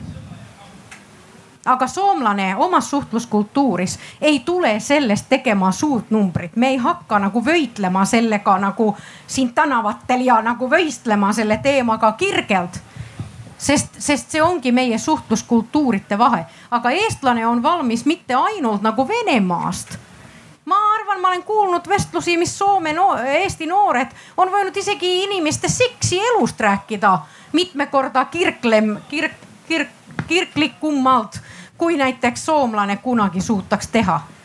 Usuasjadest on mõlematel väga raske rääkida, aga isegi eestlane suutab sellestki väga palju kirglemalt rääkida, kui siin inimesed eriti usu, usulikult ei ole. aga ma lihtsalt ütlen, et see kultuur, kuidas me räägime nendest teematest, on nii erinev ja, ja, ja see ei ole meie mugavustsoonil, kindlasti mitte. aga ma arvan, et me tugevalt toetame teineteist selles, et meil ei ole, meil ei ole lihtne elada siin, meil on tuhat kolmsada kilomeetrit seda piirkonda e, Venemaaga ja me mõtleme rohkem pragmaatilisemalt selle teema peale. aga see suhtlemiskultuur teeb selle, et sellest teemast ei ole, e, me räägime sellest teemast erinevalt. ma arvan, et see oli see, mida ma tahtsin öelda. ja ma annan Kristile veel, et palun ütle ja siis jätkame natuke edasi. Ja et selles osas ma olen täiesti nõus, et suhtluskultuuri erinevus on palju suurem kui seisukohtade ja mõtlemise erinevus. ja eestlastel on kalduvus ähm, teha järeldusi Soome välispoliitikast liiga palju selle põhjal, mida avalikult välja öeldakse. alates sellest, kas Koivisto toetas Eesti iseseisvust või mitte. et tõepoolest avalikult ta ei toetanud, pragmaatiliselt, vaikselt tema juhtimisel Soome andis toetust palju. ja, ja Eesti välispoliitikas ei ole sellist mitmekihilisust, mis on Soomes. ja sellel on nagu omad head ja halvad küljed, et Soomes see oht on see, et kui väga palju avalikus debatis korratakse sellist nagu ametlikku liturgiat, mis on selline nagu segu mingist teeseldud naiivsusest ja, ja, ja noh, sellisest nagu asjade mahasalgamisest, siis osa inimesi hakkabki sellesse uskuma ja hakkabki mõtlema, et nii ongi mm. -hmm et meil ongi olnud väga sõbralikud suhted ja eriti Nõukogude Liidu ajal meil olid suurepärased sõbralikud suhted ja küll on nüüd kahju, et Balti riigid liitusid Euroopa Liiduga ja rikkusid selle asja kõik ära. et, et noh, kui ma räägin Soome diplomaatidega või oma Soome kolleegidega, välispoliitika ekspertidega, meil ei ole mingeid raskusi üksteisest aru saada, me mõtleme väga sarnaselt Venemaast. aga eestlastel ei ole nagu sellist Ähm, taustateadmist Soome välispoliitika kohta, et nad suudaksid näha neid erinevaid kihte ja aru saada, et Soomes on teatud omad normid ja traditsioonid ja asjad, millest räägitakse ja millest ei räägita ma pean ütlema, et sina oled hästi suurepärane tolgendaja siin kahe maa vahel. et sa võiksid seda igapäevaselt teha ja, ja osaleda iga ju, igaühele kohtumisele. vaja seda tõlgendajat, aga see oligi nüüd kirjutada. ja, ja ma pean seda ütlema, tegelikult soomlased vaikivad väga paljudest asjadest, et kunagi sa ei saa nagu perepeol hakata poliitikast rääkima, usus rääkima, need on igaühe nagu isiklikud asjad ja igaühel on nendest õigus. ja, ja siis ma võiksin, võiksime natuke äh, rääkida veel sellest vaikimisest, et, et no millest soomlane ei räägi, millest ta vaikib ja millest eestlane ei räägi. kas, kas eestlane räägib igaühest asjast? Erki, palun alusta sina keeruline küsimus, et äh, ma arvan, et eks see sõltub ka seltskonnast, et, äh, et, äh, eestlane, kui ta on mingis nii-öelda oma sõprade ringis, siis ta räägib vist ikka kõigest, vähemalt mina küll arvan, et ta räägib kõigest, aga kui see ring läheb suuremaks, siis, siis ta võib-olla tõesti kõikidest asjadest ei taha rääkida. ja, ja noh, ma arvan, et Soomes on see samamoodi, et, et ma arvan, et ikkagi sellises kitsamas sõprade ringis räägitakse ikkagi kõikidest asjadest et äh, mina küll ei oska öelda niimoodi küll lambist ei tule nagu mingit tabuteemas, vähemalt Eestis, et, et millest nüüd siis üldse ei räägita, et, et äh, noh, ikka räägitakse kõikidest asjadest ja noh, võib-olla, võib-olla probleem ongi selles mõnikord, et mõnikord võikski kasutada võimalust vait olla, et, et räägitakse ka asjadest, millest väga vähe teatakse ja, ja sellise noh, ebakompetentsi pidu ja pillerkaar on ikkagi väga suur, me näeme seda igal pool, et et ka siin noh, see on muidugi jah paradoksaalne, aga Arvamusfestival, et, et äh, arvatakse kõikidest asjadest midagi. aga iseküsimus on see, et kas, kas sellest äh, ka midagi muutub, et äh, noh, me näeme seda, et inimesed istuvad nagu üks ühes kaevikus ja teine teises kaevikus ja, ja arvatakse ja loobitakse loosungeid, aga, aga, aga midagi ei muutu, et noh, et just see, et, et me võime arvata, me võime rääkida kõigest aga kas see nii-öelda on kasulik, et noh, kui ma mõtlen sellise utilitaarsuse printsiibi järgi, et kas sellest on kasu? no minu meelest soomlased on küll päris meisterlikud vaikijad. et Soomes on selline suhtluskultuur minu meelest mitte ainult äh, avalikus arutelus, vaid ka eraelus, et äh, inimesed väldivad konflikte palju rohkem kui Eestis. ja ei taheta üldse hakata rääkima sellistel teemadel, kus võib neid konflikte tekkida, et, et näiteks ma ei tea, millist poliitikut sa lähed valima või kas sa, kas sa käid kirikus või kas sa arvad, et see on õige või, või ei ole õige. et need on nagu sellised sellised teemad, mida välditakse pigem. et siin, siin jällegi see nagu minu enda alguse poliitiline näide, et sellest ei tahtnud keegi rääkida lihtsalt. Nad, nad, nad tõesti nagu varjasid väga oskuslikult oma seisukohta, sest nad võib-olla nad ei tahtnud ka lihtsalt meievahelisi suhteid rikkuda. ma ei tea, kas nad olid minuga nõus või ei olnud ma arvan ka, et äh, paljude teiste rahvastega võrreldes nii soomlased kui eestlased on väga vaikivad rahvad, eks ole. et äh, suhtluskultuur on väga selline noh, tagasihoidlik. Ja ma arvan, võib-olla Soomes veel rohkem kui Eestis kindlasti, et ma olen akadeemilistes ringkondades ma olen pannud tähele seda, et, et noh, nad on kõik rahvusvahelised ringkonnad, eks ole, ja siis äh, seal kasutatakse peamiselt inglise keelt ja, ja äh,, ja on selline noh, Ameerika stiilne äh, vestluskultuur, kes sa peaksid nagu ennast äh,, ennast äh, näitama ja, ja näitama, mis sa oskad ja kogu aeg rõhutama seda, kui palju sa sellest asjast tead ja, ja, ja äh, kui, kui hästi sa oled selle asja uurinud ja kui suurepärased äh, asjad sa oled sellest leidnud ja niimoodi.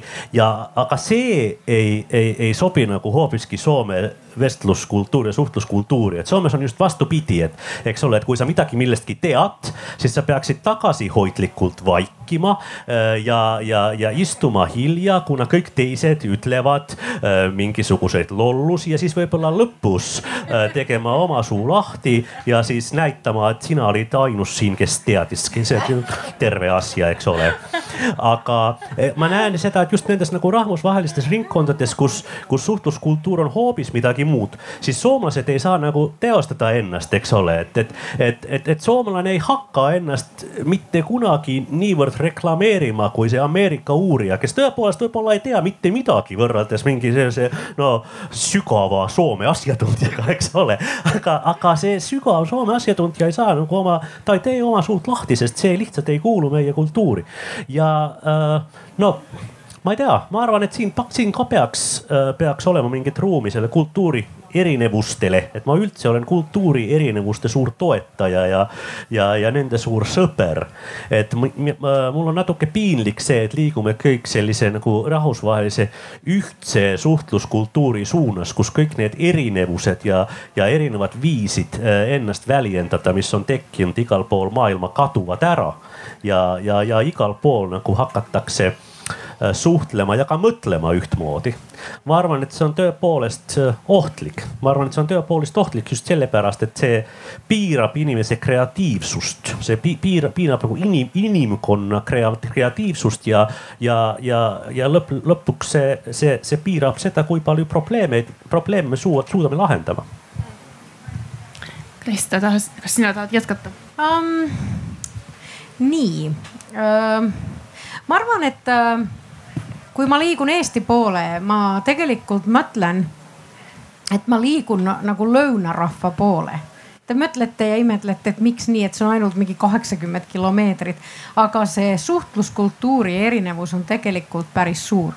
et ma mõtlen, et ma käisin äh, vist mingil aastal kaks tuhat kaks või kaks tuhat kolm käisin äh, Nõmmel mingi noorte inimeste äh, grillipeol ja, ja imetlesin seal esimest korda. ma ei osanud e-, eriti palju nagu eesti keeles äh, rääkida midagi. aga kui ma vaatasin seda, et inimesed muidugi need võtsid siin napsu ja kuulge, see kirglik suhtlemine, mis alustas, see, see oli juba, see käis, aga rohkem inimesed võtsid teate mõnuga siis oligi see, et oli suur selline välis nagu Euroopa pidu käis seal grillipeol ja ma mõtlesin, et kust need inimesed on siia toodud. noored inimesed, kõigitel oli mingi mõte, kõik tahtsid seda väljendada ja, ja, ja siis selline imeklik kirglik suhtlemine ja siis mõtlesin, et issand, see on küll nii huvitav, see Eesti kultuur. mõtlesin, et ainult kaheksakümmend kilomeetrit ja, ja võibki olla nii, aga ma arvan, et te ise, te eestlased ei mõtle et see ongi nii, aga see erinevus on väga suur. et mulle alati öeldakse, et kui mu vanaisa ja vanaema olid äh, sealt äh, raja tagasest äh, Karjalast, siis neil alati oli selline natuke Karjala stiilis äh, see mõtlemisviis, rohkem sellised äh, noh rõõmsad inimesed ja mulle alati ütletakse, et Kristo, sa oled alati nii rõõmus ja nii edasi. aga jutt on just selles, et ma mõtlen siin, et te olete nii nagu äh, selline kirglik rahva äh, hulk, et ma, ma, ma, ma alati nagu imestan seda. eestlane ise mõtleb, et mina, mina ei, mitte, mitte, mitte millalgi. aga samas on, pida, ma pean ütlema, et ma olen mitu korda olnud natuke selline, et kuigi ma räägin igasugustest teematest küll ja isegi poliitikuna olen harjunud seda tegema, aga vahepeal mul on nagu selline imelik tunne, et kui sa räägid eestlasega mingist teemast. Soomes nagu, kui räägitakse, siis räägitakse väga tõsiselt. teate, me võtame, kui me hakkame siis rääkima, me ei enam suhtle. et kui see, see läheb läbi nagu see small talk'i vahe, siis kui hakkame nagu suhtlema, siis soomlane mõtleb et me võtame seda nagu nii tõsiselt, teate. et kui me nüüd hakkame rääkima mingist asjast ja eriti kui inimesel on substantsi, millest rääkida, siis ongi see probleem, et vahepeal tuleb tunne, et kas teised ongi isegi enam huvitatud rääkima. teate, see on nagu selline huvitav asi ja mis ja. tuleb veel selle small talk'i puhul, siis eestlane on selles mõttes nagu ka minu arust natuke äh, alati nagu erinev kui me soomlased. et me oskame küll rääkida ilusasti näiteks ilmatest ja sellistest tavaasjatest, me oleme nagu nii harjunud sellest rääkima, kõik me, aga kui sa alustad eestlasega small talk'i, seda ei, ei suuda nagu jätkata, sest eestlane ei lähe mingi ilmate puhul rääkima, siis kohe teemad on, kuulge mingi usuasjates, poliitikas ja Venemaa teemates ja igasugustes teemates, aga sa ei saa nagu lihtsalt small talk'i rääkida. ja meil on alguses see selline nagu soojendumisvahe. Ja siis me lähemegi siis tõsiselt rääkima. Ja siis eestlane ongi vahetanud juba nii pikka eri teemadel ja on väga palju kaugemal et see on nagu lõunariik tõsiselt soomlastele. huvitav ja Kristi. jah, soomlased on tõsisemad, et eestlaste omavahelises suhtlemises on rohkem sellist jah nalja viskamist ja sellist lõõpimist ja sarkasmi ja see on ka selline nagu natuke nagu selline kitsa ringi suhtlemine, et kui keegi tuleb väljastpoolt, siis sellesse on võib-olla nagu raske sisse pääseda aga eestlastel omavahel see on nagu äärmiselt äh, tavaline, see on üks erinevus. aga ma tahaks rääkida ka mõnest sarnasusest. ma olen ise töötanud Brüsselis mõned aastad ja istunud palju koosolekute laua ümber, kus on igast Euroopa Liidu liikmesriigist esindaja. ja seal ma pean küll ütlema, et eestlased ja soomlased paistsid üsna sarnastena. et sellised, kes teevad suu lahti siis, kui neil on midagi öelda, räägivad, räägivad oma asja ära ja siis on vait ei hakka pikalt-laialt heietama, eriti siis, kui nad asjast tegelikult midagi ei tea või kui neil midagi öelda ei ole, siis mõni lõunaeurooplane võib küll rääkida pikad jutud maha ja samas mitte midagi öelda. et soomlane ja eestlane seda tavaliselt ei tee. et seal need sarnasused, sarnasused paistsid silma. ja mis on veel sarnane, on selline äh,, kui rääkida ka eliidist, poliitilisest, välispoliitilisest eliidist, ametnikest, siis mingi selline avatus ja läbipaistvus ja ma arvan, et see on Eestis selline võib-olla uuem asi ja siin Eesti on üsna sarnane Põhjamaadega. ja jälle ma olen oma töö poolest teinud intervjuusid palju näiteks diplomaatidega erinevatest Euroopa riikidest. ja kõige lihtsam on alati ligi pääseda Põhjamaade ja Eesti diplomaatidele ja ametnikele. Nad on valmis sinuga rääkima. Nad on üsna avatud, muidugi inimeste vahel on erinevusi aga proovi sa mõne prantslasega saada kohtumine kõigepealt ja siis veel kuulda, mida ta tegelikult mõtleb. see on palju raskem. Janne ma mõtlesin just seda, et see Soome vestluskultuuris kõige halvem asi, mis sa saad mingi asja kohta öelda, on see, et see on vain puheta et see, see on ainult rääkimist, eks ole, et seda, seda nagu korratakse kogu aeg, et jah, et ma ei taha sellega osaleda, et see on ainult rääkimist, et, et see on nagu mingid mõtted võtta osa sellest rääkimisest, sest nagu miks, miks, miks võtta osa, et see on ainult, ainult kõne, aga et, et siin on mingi selline idealism ja ma arvan, et siinkohal küll ma olen täitsa nõus Kirstiga, et, et Kristiga, et eestlased ja soomlased ei ole eriti erinevad, et on mingi selline äh, äh, nagu ideaal selles, selle, selleks, et äh,, et peaks olema mingi selline äh, pragmaatiline sub, sub, praga, pragmaatiline substants, eks ole, et peaks olema mingi, mingi asi, mille sa, millest sa tead midagi äh, ja mille kohta sa pakud mingi lahenduse. Ja kui sellist ei ole, siis parem äh,,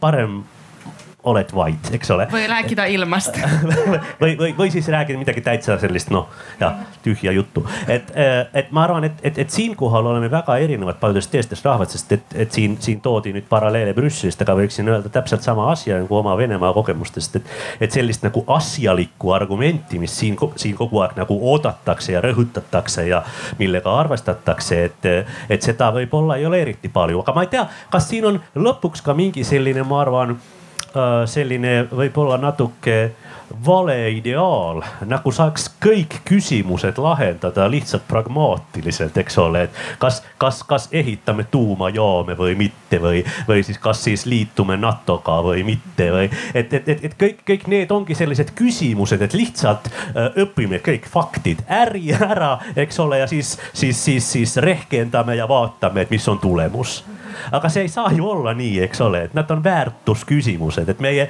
meie peaksime olema, meil peaks olema ka võimalus rääkida väärtustest ja, ja leppima sellega, et, et me ei, me ei võib-olla iial ei tulegi samale tulemusele, me lihtsalt oleme erinevad inimesed, erinevate väärtustega inimesed ja, ja, ja sellega peaks võib-olla kunagi arvestama ka selle tühja jutuga, mis, mis meie soomlased nii palju vihkame. okei okay,, Krist ma pean veel ütlema, et teate, et äh, üks lahedamaid asju, mis Eestis on ja mis Eesti, miks Eesti mulle meeldib, on Eesti inimesed. ja see tulebki sellest, et Eesti inimene, kuigi me siin nüüd teeme suure vahe Soome ja Eesti vahele, aga kui me vaatame meid nagu kuskilt äh, noh, sealt linnu perspektiivist ja kui me näeme ka teised rahvad, me oleme väga sarnased. aga samas mulle meeldib just see, et Eesti inimene äh, väga nagu vähe ajab ikka sellist juttu, et, et ei räägitakse nagu, nagu teematest või substantsist, et, et, et näiteks ma just siin ette kujutasin, kui, kui kui kuulasin seda juttu, mis teised rääkisid, siis ma ütlesin, et õhtul, kui kohtun jälle sõpradega, teate, esimene või kolmas küsimus on vähemalt mingi selline ei mitte ilmatest või, või kuidas nagu su reis läks ja kuidas oli arvamusfestivaal, näe, kas sa nägid Alarit, meil üks mu sõber on ka siin. Või keda, kes seal oli ja kas tuttavaid oli. Aga kui eestlane kohtub, siis tema läheb kohe teematesse et ta läheb nagu küsib, et no kuidas sul läheb näiteks selle sodega seal Soomes, et sotsiaal- ja tervishoiusüsteemiga. soomlane sõber ei kunagi küsiks seda, sest ta mõtleks, et nüüd läks liiga nagu laiaks teemaks. aga just see nagu esimene soomlane nagu teeks mingi nalja või mingi sellise sarkastilise nagu nali, et, et no kuidas sul läheb selle sotsiaal- ja tervishoiusüsteemiga seal vist pole valmis veel, sest seda on mitu aastat juba tehtud. aga eestlane läheks kohe küsiks, et kui kuidas teil nüüd just praegusel hetkel läheb see, et, et mis on nüüd see, see tööolukord seal ja see on nagu minu arust see erinevus ja siis ma samal nagu oodan väga seda, sest ma tunnen, et, et mu Eesti sõbrad Need on nii huvitatud igasugustest asjadest. et ma ei saa, ma ei saa öelda seda, et eks mul oleks Soome sõbrad ka huvitatud igasugustest asjadest, aga see on Eestis nii lahe et inimesed ikka räägivad siin. see kõneluskultuur, seda nagu tõesti austatakse. inimesed kõnelevad ja inimesed nagu räägivad omavahel, kui tõsist juttu see on üks küsimus, aga samas siin räägitakse ja ma arvan, et soomlastele ma soovitaks väga õppida Eestist seda rohkem seda kõneluskultuurit, sest Soomes kunagi näiteks poliitik ei suutaks minna äärmustesse. Et me vältime seda, et mitte liiga palju kriitikat ei saa nagu teha, aga Eestis see poliitiline vestlus ongi kogu päev see, et mis on täna see suur öö, skandaal, et millest nüüd räägitakse jälle. Ja nagu meil välditakse natuke sellist, et ei lähe nagu sinna, et ei lähe liiga kriitilisele toonile, et võib tulla nagu raskusi, siis, siis väldime sellist liiga kriitilist vestlusstiili. aga Eestis see on kuidagi nagu, te olete nii harjunud sellega, et ma ei tea, kas te isegi tunnistate seda me hakkame tasapisi lõpetama, aga on veel publikul mingi küsimus, mida keegi tahab küsida? seal on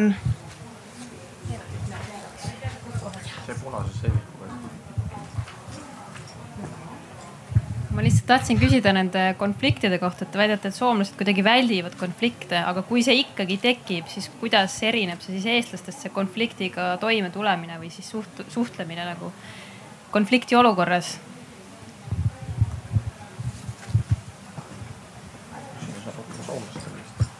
pean küsima, et kuidas see Eestis toimub, kas sina, Erki, tahad alustada? et kui on konflikt. siis te saate öelda, kuidas Eestis, teie, kuidas Soomes noh, ma arvan, et see on ikkagi paremaks läinud, et, et kui on konflikt, ehkki noh, jälle ma jõuan sinna liiklusesse tagasi, et siis on need mõned konfliktid on küll päris hullult lõppenud, aga, aga muidu nii-öelda inimeste tasemel konfliktid, no kas tuleb keegi vahele kas öö, öeldakse need halvad sõnad ära ja siis pärast vabandatakse üldiselt noh. ka noh kuna ma olen ka lapsevanem siis äh, koolis on mõnikord, eks ole, ka seal nagu lastega olnud tegevust, tegemisi. aga pärast on saadud kõik ära klaarida, et noh, ma arvan, et see on ikkagi paremaks läinud, et see see nüüd selline metsik lääs enam ei ole, kui ta oli üheksakümnendate alguses, et noh, et ikkagi üritatakse neid asju nagu tsiviliseeritult lahendada, mis võib-olla on nagu vaat Soomet ma ei oska öelda, aga ma arvan, et ikkagi see on sama, aga, aga kindlasti Eesti erineb äh, USA-st selle poolest, et me ei lähe kohtusse, et äh, siin on võib-olla ka põhjus selles, et, äh, et see Eestisse kohtusse minek on nii keeruline ja kallis tavainimesel, et seda ei taheta teha, et ühesõnaga, kui on konflikt, siis see üritatakse ikkagi ise kuidagi ära reguleerida. mis Kristi sina um,? Noh, selline ütlus on, et, et asjad riidlevad, mitte inimesed, et, et see on nagu alati selline äh, hea norm või meeles pidada, et kui läheb vaidluseks, et siis mitte minna isiklikuks. ja, ja soomlased tõesti tavaliselt püüavad üldse konflikti vältida või, või kui läheb ka konfliktseks, siis, siis mitte kedagi solvata aga aeg-ajalt tuleb seda ette ja just poliitilistel ja välispoliitilistel teemadel. mul on selliseid kogemusi, et kui ikka väga tüliks läheb, siis läheb asi isiklikuks. ja see on kole, kui sulle keegi ütleb, et mis sina, eestlane, siin ütled. et seda tuleb vahest väga harva ette, aga need ei ole ilusad kogemused. Õnneks seda on harva. ja, Janne. jah äh mul on muidu ka seda kogemust, et Eestis äh, siis, kui ma Eestis töötasin, siis, siis äh, tulid välja mingid erinev, erinevad arvamused eestlastega, siis, siis hakkaks see noh äh, rahvusliku kaardi, kaardiga äh, mängimine pihta, eks ole, et mis, mis soomlane, soomlane suurem vend sa oled meil, meile nõu andma kui siin Eestis elatakse ja niimoodi, et, et see, see tundus küll väga solvav, et sest noh, ma, ma ei esinda ju mingit Soome, eks ole, ma esindan omaennast, eks ole. esindan oma arvamuse, kuidas siin töökohal võiks mingi Nii. asi toimuda, aga noh, eks üldse ma arvan äh,, kuidas, kuidas neid lahendatakse, no ma arvan, et, et eks, eks Soomes, ma arvan, kõige tavalisem lahendus oleks ikka leida mingi neutraalne asi et, et leida mingi ühtne pint, et, et, et okei okay,, et, et tuli välja, et oleme nagu välispoliitika küsimustes nagu väga erinevate arvamused, oi kui halb. Et siis, siis läheme üle teisele teemale, eks ole, et siis äkki leiame mõne ühtse, ühtse mõtte ka. Äh, või siis, siis, äh, või siis, kui see ei õnnestu, siis, siis võib võtta ka mingi vahemehe, eks ole, et siis, siis, siis mingi, mingi vaheinimene, kes saab hästi läbi mõlematega, eks ole, et, et siis, siis temaga võib suhelda ja niimoodi. et, et, et aga ma arvan, et see sellise nagu ühtse välja otsimine on oluline et ja, ja muidu ma usun sellesse, et, et iga inimese, ma, ma ei tea, kas on mingi selline Soome võrdsuse ideaal. Aga mina näiteks võin oma oma koha pealt öelda seda, et mul on näiteks kõigide Soome parteide toetajites öö, oma sõpru ja, ja tuttavaid ja, ja leian kõigidega öö, mingit ühtsat pinda et, et, et, et, et, et kuigi ma saan aru ka sellest, et, et on palju asja, millega ma võib-olla ei ole. Sinuga äh, samal arvamusel või sinuga samal arvamusel, sinuga samal arvamusel, siis ikka. Ma arvan, et, et saame teineteisega läbi, saame suhelda ja, ja, ja niimoodi saame koos elada, sest noh teist lahendust ju ei ole, eks ole, et peame ikka elama siin äh, erinevate arvamustega tahad, Krista, veel jätkata? Ma arvan ainult, et see, et kui tuleb see olukord, et inimesed enam ei asjates äh, ta või et inimesed on eri, inimestel on eriarvamus, eh, mitte vaid asjates äh,. vaid ollakse juba olukorras, et inimesed tõesti nagu need, need, need on tü, tülitsevad omavahel, siis, siis ma arvan, et sellel korral soomlane võib olla selline et äh, kui sa pragmaatiliselt ei suuda nagu leppida selles olukorras, siis võib-olla soomlane rohkem nagu pöörabki nagu ära või, või kuidagi nagu isoleerib ennast või teate, nagu läheb ära sellest olukorrast või, või jätab nagu vahele või isegi mõtleb, et no ma enam ei suuda selle inimesega nagu rääkida. et jätab tõesti vahele selle tuleviku rääkimise ka. aga ma arvan, et, et, et, et Eestis nagu üks, mida ma olen alati alati nagu austanud, on see, et Eestis selline koos hingamine või koos elamine on minu arust nagu nagu olulisem kui Soomes, et, et kui tulebki mingi nagu kina või, või selline, et, et ei suutagi nagu enam nii koos hingata.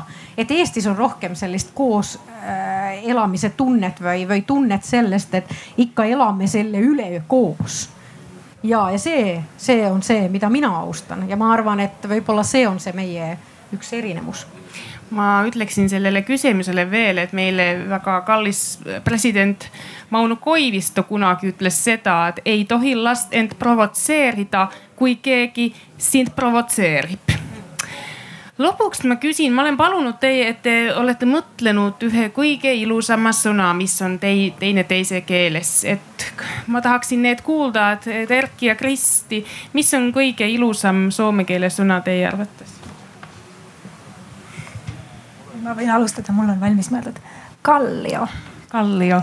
see on selline sõna, mis on väga soomelik kui inimene seda ütleb, siis sa kuuled kohe ära, kas ta valdab soome keelt või ei valda. seda ei ole eestlasel ka väga lihtne öelda. aga see kõlab ilusti, selline laulev sõna ja samas selles on midagi ka füüsiliselt midagi väga soomlaslikku, et Kalju on selline tugev ja kindel ja vankumatu ja sageli külm meie kliimas, aga kui sa teda päikse käes soojendad, siis ta on ka väga soe ja mõnus. No ma küsin, te või olid juba välja mõelnud? no ma mõtlesin välja jah, et, et see on sihuke nagu kiirvariant, aga, aga kindlasti sõna lämmin on, on hea, hea sõna, see on soe, eks ole, ja, ja, ja noh, võru keeles on ju ka sealt, eks ole, et on lämmi. Ja noh, eriti huvitavaks läheb siis, kui seda sõna hakata käänama, et et äh, lämbi männ, lämbi mässa ja siis, siis saab ka aru, eks ole, et, et kuidas see soome keel kõlab, et ega need täpitähed, eks ole, vokaalarmoonia hakkab mängima ja nii edasi, et see on selles mõttes, seda on päris ilus kuulata, kui seda kasutatakse jah. Hästi. Ja kallio on siis kalju eesti keeles.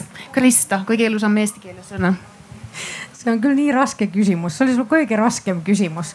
Ja poliitikult kunagi, kui ei saa ainult nagu üks, üht vastust, tea seda just, et teate, see sõna kas on väga ilus, aga see on nii raske, et, et ma ei või valida seda, sest see, sellest sa kuuled kohe, et, et ma ei oska eesti keelt, kus, sest, sest mul õpetati seda juba aastal kaks tuhat mitu korda, et kuidas seda nagu.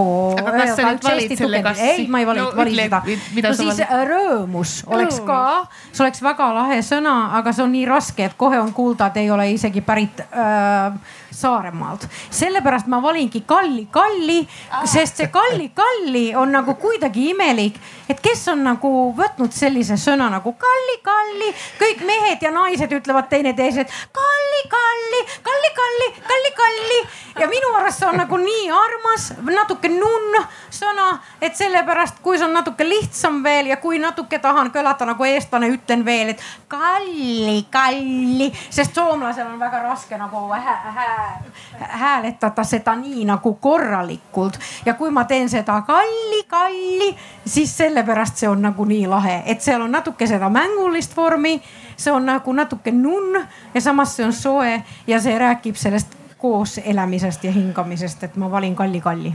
hästi ja Janne, mida sina valid mm.?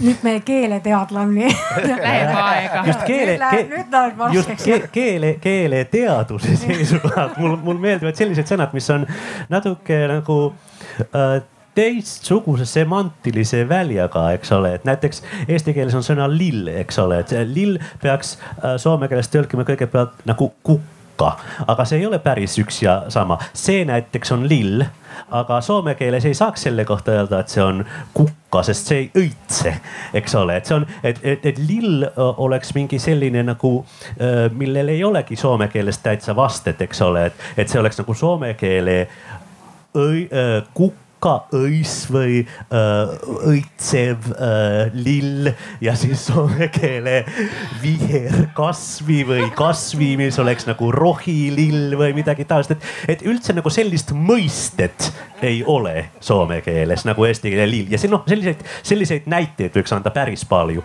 aga siis on ka see, kuna kaks mõistet seostuvad ilusasti äh, minu meeles äh,, kuna ma räägin mõlemaid keeli, nagu näiteks seesama sõna ilus, sa küsid, mis on kõige ilusam sõna, siis näiteks mina seostan seda sõna ilus soome keele sõnaga iloinen, iloisen, mis tähendab rõõmus, eks ole.